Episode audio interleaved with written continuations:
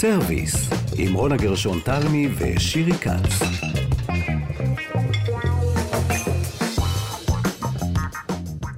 שלום לכם, אנחנו כאן בסרוויס. אחרי ארבע שנים כמעט שהתוכנית משודרת, אנחנו יוצאות לפגרה.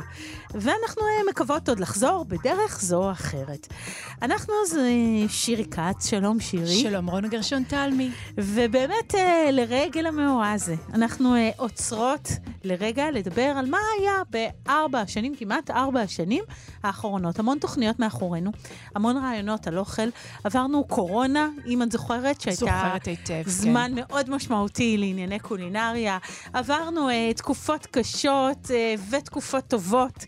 אה, סגירה של מסעדות, פתיחה, מאבקים, באמת אה, מגוון מאוד גדול של דברים, אה, מחסור בכל מיני חומרי גלם, על כולם דיברנו כאן, ואנחנו רגע עוצרות לסכם. אז uh, אנחנו מתחילות uh, בעצם uh, בלומר תודה לטל ניסן וגם uh, לתמיר צוברי שנמצאים איתנו כאן. Uh, ושירי, איך אנחנו מתחילות את הסיכום הזה? וואו, אני ניסיתי ככה לחשוב על כל הדברים שעברנו כאן. אני חושבת שקודם כל התחלנו בעבר הרחוק מאוד, אני לא יודעת אם את זוכרת, הייתה פה בירה שהוצסה כמה אלפים לפני הספירה. והיינו עם דקל, שהוא אחד העתיקים בעולם, אם לא העתיק בעולם, מתושלח. הוא בן למעלה מאלפיים, ולאחרונה מעמיד צאצאים. זאת אומרת, עם... לוקחים את הגלינים של התמרים ד... שנותרו? דיברנו עם דוקטור איליין סולווי, שאשכרה החזירה את הצמח הזה לחיים, שזה היה, זאת הייתה שיחה מטורפת בעיניי. Uh, אני חושבת שגם כל הנושאים האלה היו כל כך מרגשים מהארכיאולוגיה של האוכל, שרק uh, גברת רונה גרשון תלמי הייתה יכולה לגרור אותנו לתוך הנושא הזה, אבל המשכנו בעצם עד האוכל של העתיד. ניסינו באמצעות uh, חוקרת ומומחית לפודטקים, דוקטור תמי מירון, להבין לאן ילך האוכל בעתיד ומה נאכל בעתיד, וזאת באמצעות כל מיני פיתוחים ששוקדים עליהם כבר בימים אלה, וחלקם בארץ. חשוב לציין. וזה רק הולך, נגיד, ומתעצם העניין הזה. הזה של הפודטיקים, של התעשיות החדשניות. אה, דיברנו מי באמת אה, גרעיני התמר של פעם, מימי הארכיאולוגיה ועד היום, והבנו במהלך התוכניות, אה, וזה משהו שחשוב להגיד, שהשולחן שלנו הולך להשתנות. אני זוכרת שדיברנו עם כמה וכמה מומחים, גם כאלה שבאמת מדברים על הבשר המתורבת, שזה נושא עדיין מאוד מאוד חם, שיש כנראה עוד דרך עד שהוא יהיה בצלחת של כולנו, כי יש שממהרים להגיד, זה כבר כאן, זה נמצא, אבל גילינו שיש דרך, צריך להוזיל את המחירים, צריך עדיין לקבל אישורים של ה-FDA שעוד לא הגיעו, אה, ובאמת, אה, אבל, אבל המחשבה הזאת על שולחן שמתרחק משולחן הסבתא, אה, מהשולחן הזה של מרק הקניידלח והעוף וכל הדברים שכל אחד מאיתנו רגיל, לשולחן שפתאום יש לו זירו אג, ביצה שהיא מהונדסת, ובשר לא מהונדסת שהוא... בהכרח, אלא פשוט מהצומח. כן, כן, כן. כן, ובשר שהוא מודפס, ועוד כל מיני חידושים שיגיעו וייכנסו אל תוך המזון שלנו, קצת טלטלה אותנו במהלך התוכניות. אני זוכרת שדיברנו אז עם תמי על רומנטיקה, אה, מכיוון שבאמת חשבנו על השולחן הזה, על שולחן החג שכולנו כל כך אוהבים, ואמרנו, מה, יש שם אה, משהו שנדפיס במדפסת ו- וככה נאכל אותו, והבנו שכנראה באיזשהו שלב, בחלק מחיינו לא תהיה ברירה. אה, ומאידך גם קראנו לשמור על הקיים. למשל, אה, לא מעט התעסקנו כאן עם חקלאים. נכון, אני אה, חושבת שהנושא הזה של חקלאות, בפרספקטיבה על כל התוכניות שהיו לנו, הוא בעצם התגלה כמאוד דרמטי, ורק תוך כדי תהליך הבנו עד כמה הוא דרמטי. זאת אומרת, התחלנו באמת בנושא של אה, שיחות עם חקלאים, ואז פתאום התחילה, אה, אה, התחילה הקורונה, והיו שאלות של איך מעבירים ומשנעים מזון, ואם יש מזון לכולם. ואז פתאום הייתה מלחמה באוקראינה, והבנו עד כמה ואיזו כמות מהאוכל שאנחנו צורכים בעצם מתבסס על זירות אחרות, ואז האמירו מחירי החיטה, והכול גולגל לארץ, והיו המון שאלות סביב זה, שהבנו שלא כל כך רואים אותם, ועד שהם לא קרו, בעצם הם נסתרו מעינינו. וכל העניין הזה של חקלאות מקומית פתאום uh, צץ במלוא עוזו, הבנו עד כמה היא חיונית, כמה חיוני לשמור. שאני חושבת שהוא לא השתפר, צריך להגיד שברגעים אלה שאנחנו נושאות לנו את הסיכום שלנו ויושבות באולפן, מצבם של החקלאים הוא לא טוב כל כך. וככל שהסברנו כמה צריך, כמה חשוב העניין הזה של לשמר חקלאות או להתאים חקלאות מחדש לכל מיני עניינים שקורים של מים ואקלים, אה, אני חושבת שלא מספיק ניתן כאן, אה, וקראנו על זה בהרבה תוכניות ושמענו המון המון קריאות לעניין הזה, גם לביטחון. ביטחון תזונתי, מה שנקרא, למקום שבו אנחנו עושים תוכניות חומש של העתיד, אה, לא רק ביטחוניות אה, אה, מול אה, כל מיני פיגועי טרור ו- ודברים אחרים, אלא גם מול הצלחת שלנו. מה יהיה בצלחת? איך מבטיחים צלחת טובה?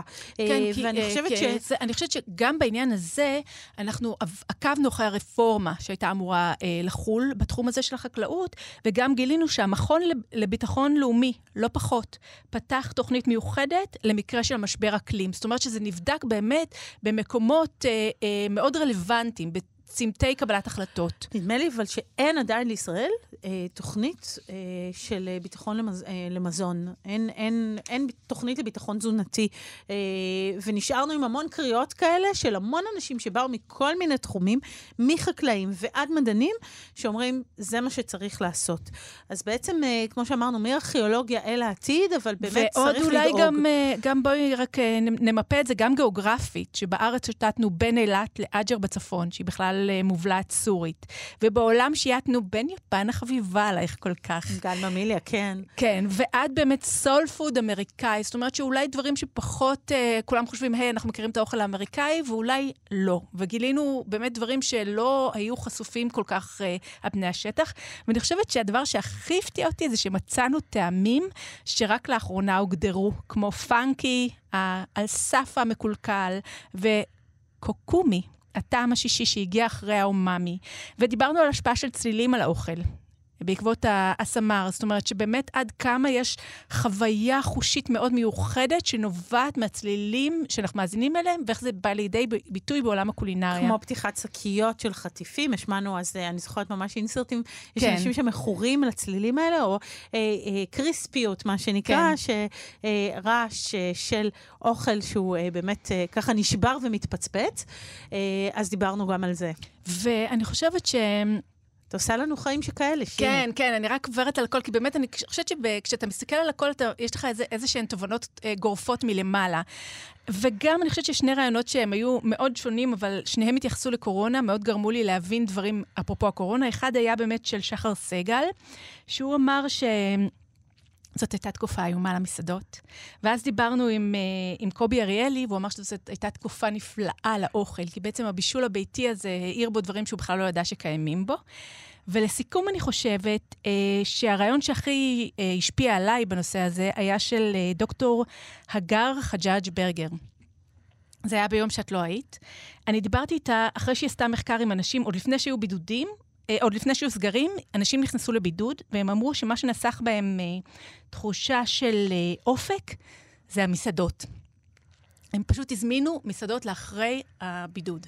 אה, ממש, אה, זה היה מעין אה, כמו הדסטארט כזה, שמשלמים כסף, לא, וכשיגמר לא, הבידוד... עוד לפני שהיו, עוד לפני שהיו אה. סגרים. הם רק נכנסו לבידוד, וזה מה שגרם להם להגיד, אוקיי, יהיה טוב אחר כך. מעניין, מעניין, כן, אז את כן. זה אני באמת אה, לא זוכרת.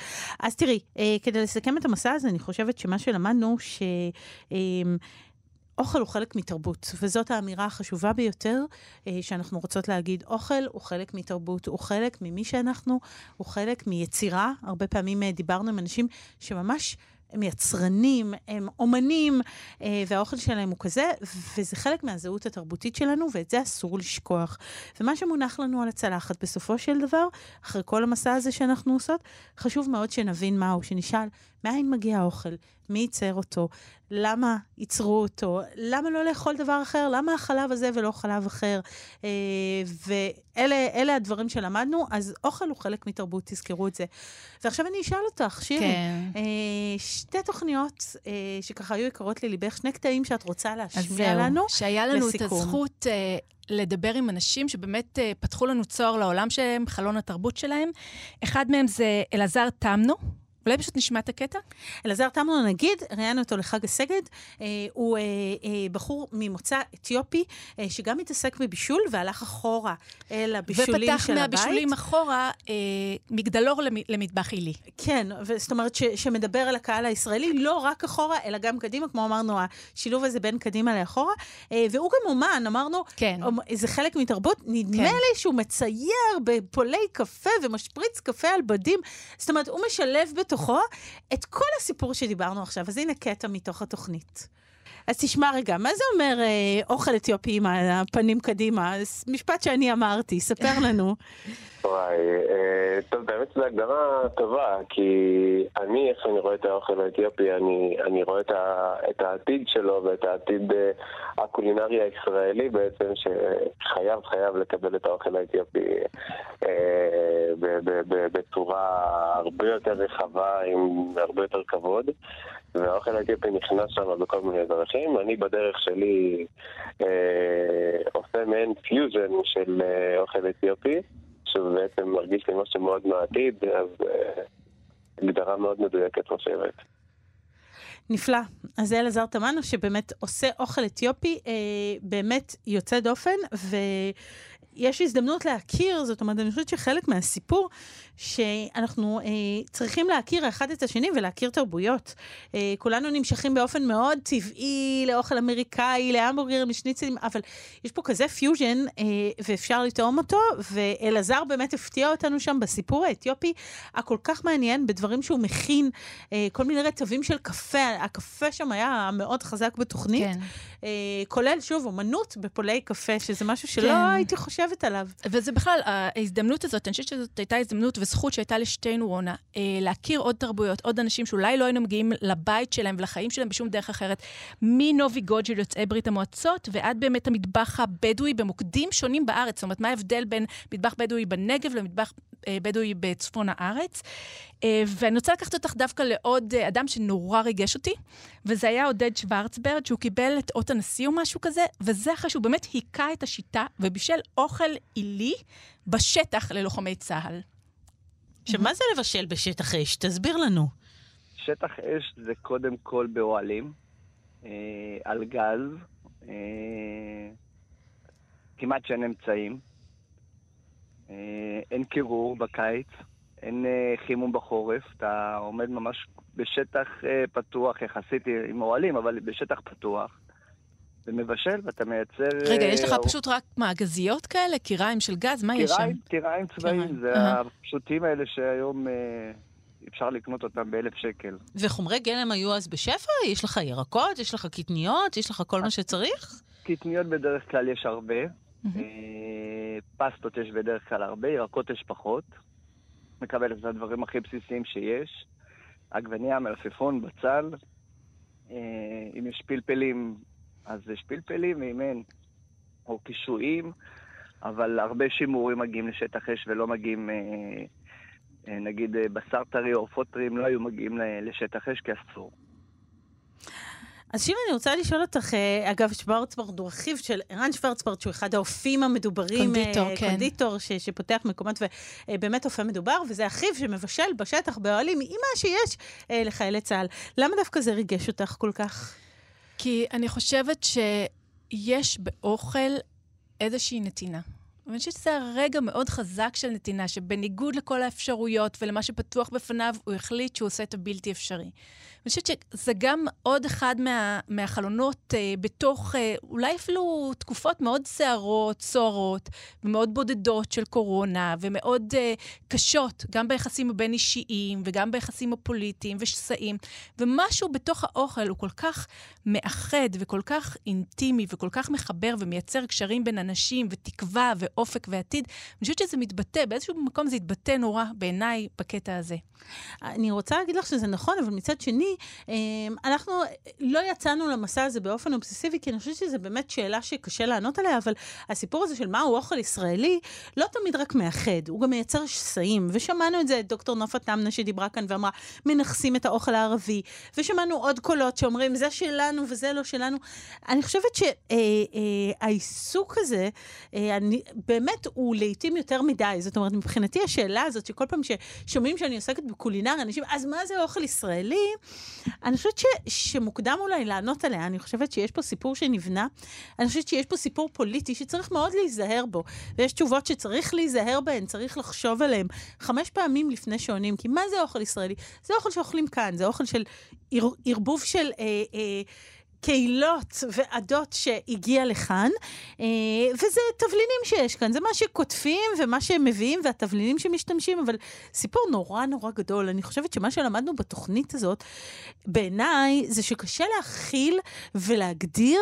אני לא יכולה לעצור אחרי שנים שאנחנו מדברות על אוכל ולהגיד, אוקיי, זה אוכל ישראלי.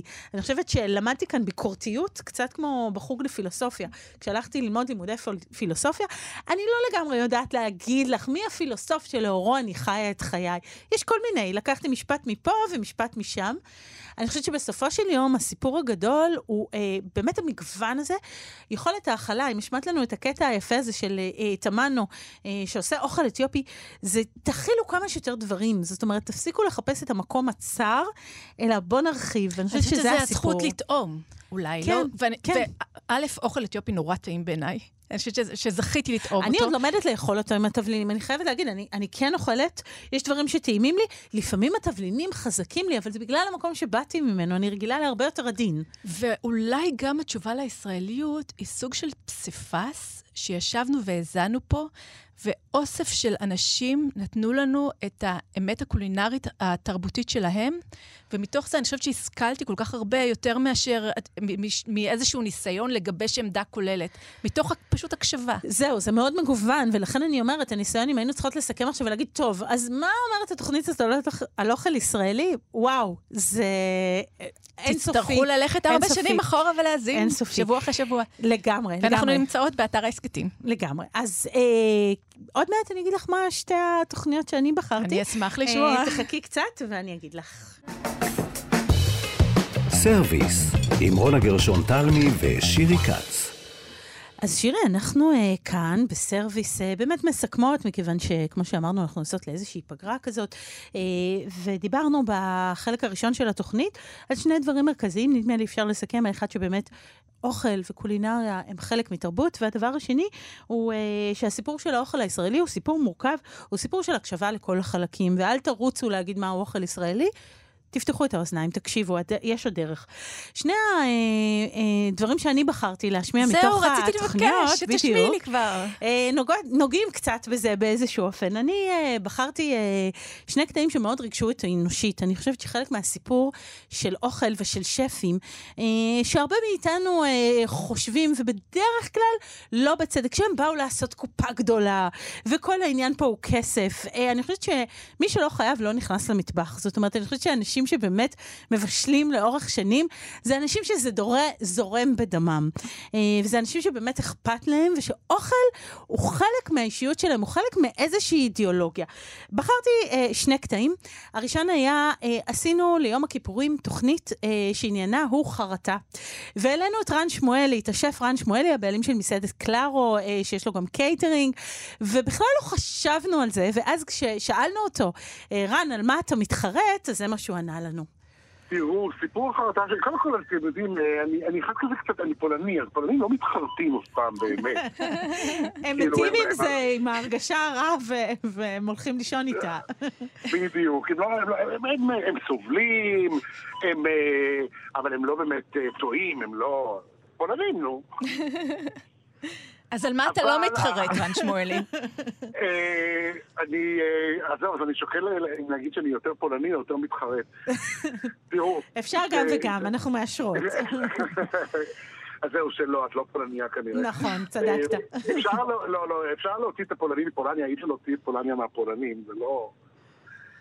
אבל האמת שהחרטה שלי הולכת טיפה לפני תחילת השנה, וזה הסיפור שהיה לי בראש השנה שעבר, ש... שלא הצלחנו להגיע לכל האנשים, אוכל נפלא שבישלנו דרך אגב, אה, בגלל תקלות טכניות, והרסנו לחלק את החג. אני הולך עם זה כבר שנה שלמה, אבל, אה, אבל אני מתחרט. אני לעולם לא אגיד שזה לא באשמתי, זה לא נכון, זה באשמתי, כי אני לקחתי את ההזמנות ואני הבטחתי לאנשים ואני לא עמדתי בזה. אבל אני גם, אה, גילוי נאות, אני גם חצי אוסטרי, לא רק חצי פולני. ואני שומן בעצמות. אה, עד היום פוגשים אותי לפעמים אנשים והם אומרים לי, אנחנו מנפגעי ראש השנה.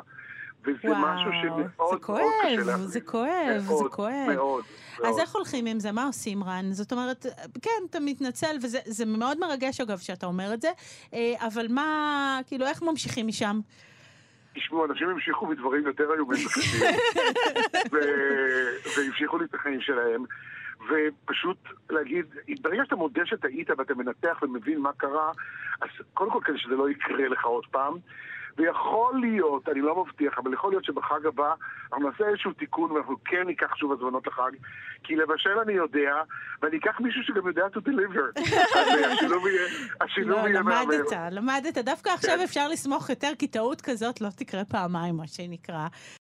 אז אה, זה רן שמואלי, וזה רגע שמאוד מקסים, אהבתי, כי כן. כשפנינו אליו בענייני חרטה, את האמת ששתינו שכחנו מכך שהוא אה, לא סיפק לחג. אנשים, זה היה ערב חג, ופשוט לא היה להם כלום בשולחן החג. גם וה- תקופת קורונה, זה לא שאפשר היה לרדת ולארגן, זה היה יותר מסובך מזה. זה היה שנה אחר כך, והאיש הלך עם חרטה, ואני נורא אהבתי את זה. אני נורא מעריכה את רן על זה, אה, ולכן בחרתי בקטע הזה. זה קטע אנושי אחד, וקטע אנושי אחר היה בתוכנית שאת לא היית, אני עכשיו מחזירה לך. וואו, כן. אה, שאני עשיתי אה, עם עמיתי פוקמן כאן בכאן תרבות, והעלינו את רז רהב, השף של משתלטת A ו-OCD, ובאמת אחד השפים המדוברים בתעשייה, אה, ושאלנו אותו על רגעים מכוננים בחייו, וזו חלק מתשובתו. אצלי ספציפית, בסיטואציה עם המשקל, אז אתה מגלה שאתה כל היום מתעסק באוכל. בשנים הראשונות של הפרעות אכילה, במיוחד כמו שאני חוויתי, אתה מתעסק רק ורק ורק במה אתה הולך לאכול עוד מעט, אבל לא מתוך המקום של, אה, היי וואו, אני חייב לנסות את זה, וואו, אני רוצה את זה, זה נראה טעים, הפוך. אלא אני חייב לסבוע, אני חייב שזה יהיה עם כמה שפחות קלוריות, אני צריך שזה יהיה הכי זריז, ואני צריך שאף אחד לא יתערב בזה, ואז אתה מתעסק במשך שנים רק בזה. עד שיום אחד אתה אומר, וואו, אולי זה יהיה קצת יותר כיף להתעסק באותו דבר, בדיוק, באותה הפרעה טורדנית, עם פשוט משהו שבאמת תהנה ממנו בסוף, ולא משהו רק, רק. כן, לא נהנית מהאוכל באותה תקופה?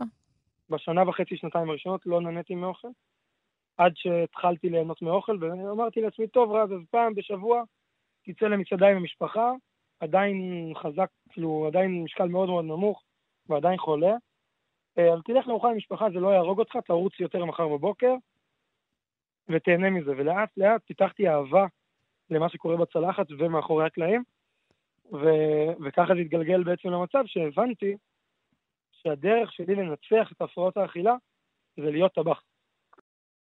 אז כאן אה, אה, רז רהב מדבר על, על הדרך להפרעות אכילה, אבל מה שמאוד אהבתי בהמשך הרעיון, זה שהוא דיבר על זה שכשהוא מכין את האוכל, ואנשים יושבים במסעדה, ואצל רז זה באמת חוויה מאוד מיוחדת, גם לא זולה, עכשיו הוא העלה מחירים, וכולם בתעשייה דיברו על זה, אה, פתאום 700 שקל לארוחה, אבל הוא אמר שמה שהוא רוצה זה שכשהם יצאו, מהמסעדה ויחזרו הביתה, בדרך, באוטו, הם יהיו פחות עצבניים, פחות יצפצפו לאנשים אחרים ופחות יתרכזו עליהם. והוא אמר שבסופו של יום, הסיפור של האוכל שלו זה זה. זאת אומרת, אה, לעשות משהו למי שאוכל אצלו, שישנה קצת משהו בדרך שהוא מתנהל בעולם. תיקון עולם, להפוך והמש- את העולם למקום טיפה יותר טוב, באמצעים שיש לך. לגמרי. והמשפט הזה של רז, שבאמת פה מספר על הפרעות האכילה שלו, ואיך הוא הגיע ממקום כל כך כל כך מהותי, אה, מציל חיים כמעט אל האוכל, וזה שהוא הפך את האוכל, וכל פעם שאני שומעת את רז רהב מדבר, הוא מדבר ככה, יש שם אידיאולוגיה, יש שם רצון. לשנות בעזרת האוכל משהו בעולם. ואני חושבת שזה הסיפור הגדול. שוב, אם אנחנו חותמות את הסיכום שלנו, זה נורא מרגש אותי, כי אוכל הוא תרבות, אוכל הוא לא רק איזה שף שרוצה להרוויח כסף, או אה, הוא יודע להכין משהו קטן טוב, אז הוא אומר, יאללה, נעשה עסק. יש מקרים כאלה, אבל אוכל באמת, בסוף, גם האוכל שאנחנו מכינות לילדים שלנו, שהורינו הכינו לנו, הוא אוכל שרוצה... להביא משהו, לעשות טוב באיזשהו אופן. אה, כל צלחת שאת מגישה, גם אם זה רק חביתה, או גם אם חתכת מלפפון אה, ועגבניה עכשיו לסלט והוספת איזה פטה מלמעלה, את רוצה, שזה, את רוצה שאחרי הארוחה יהיה טוב, את רוצה שזה ישנה משהו, ואני חושבת שזה מה שאני קיבלתי, אה, ולשמוע את זה משף בסדר גודל של רז רהב, שזוכה בהמון פרסים כהבטחת השנה והבטחת... שהוא חושב על הדרך חזרה של הסועד שלו, זה בשבילי חלק ממה ש... שאני לומדת על אוכל. אני חושבת שגם אולי אפילו לא רק ההכנה עצמה והאכילה, אלא אפילו השיחה על האוכל. לפעמים נדהמתי שאנשים היו כל כך אה, נדיבים איתנו, ודיברו איתנו מרכבות נוסעות, ומהפלגות נכון. נכון. ביניים ביוון, וב, והנומן שדיבר איתנו מאיזשהו מקום קטנטן בתאילנד. ואני חושבת שעצם זה שאנשים מכל העולם כל כך שמחו לשתף אותנו במחשבות ובהכנות ובמה שקורה רואה אצלהם במטבח, אני חושבת שזה היה חלק מהקסם של מה שעברנו בכל שבוע. נכון, אז אה, אין כמו לדבר על אוכל ואין כמו אה, אה, לאכול אוכל טוב, אוכל אה, מזין, אוכל שמכניס לנו גם מחשבה טובה. אה, אני באמת מאמינה בזה, לא לאכול סתם כל הזמן. אה, ואני רוצה להודות לך, שירי, על הדרך הזאת. קודם אני אודה לך, רונה גרשון תלמי, כי פעם ראשונה שנכנסתי אה, לרדיו והתחלתי לעבוד ברדיו, זה היה איתך, ואת היית הפרטנרית המושלמת ללמד כיף. אותי ולעבור איתי את התהליך. הדדי לגמרי, אני מאוד שמחה שאת כאן, ואני מקווה שעוד נתראה בהמשך הדרך ועוד נעשה דברים. נאמר גם תודה לצוות המקסים שלנו, לטל ניסן, לתמיר צוברי שנמצא כאן איתנו, אה, וניפרד מכם המאזינים. תודה רבה. אה, תמשיכו להקשיב, להתראות. ביי. ביי.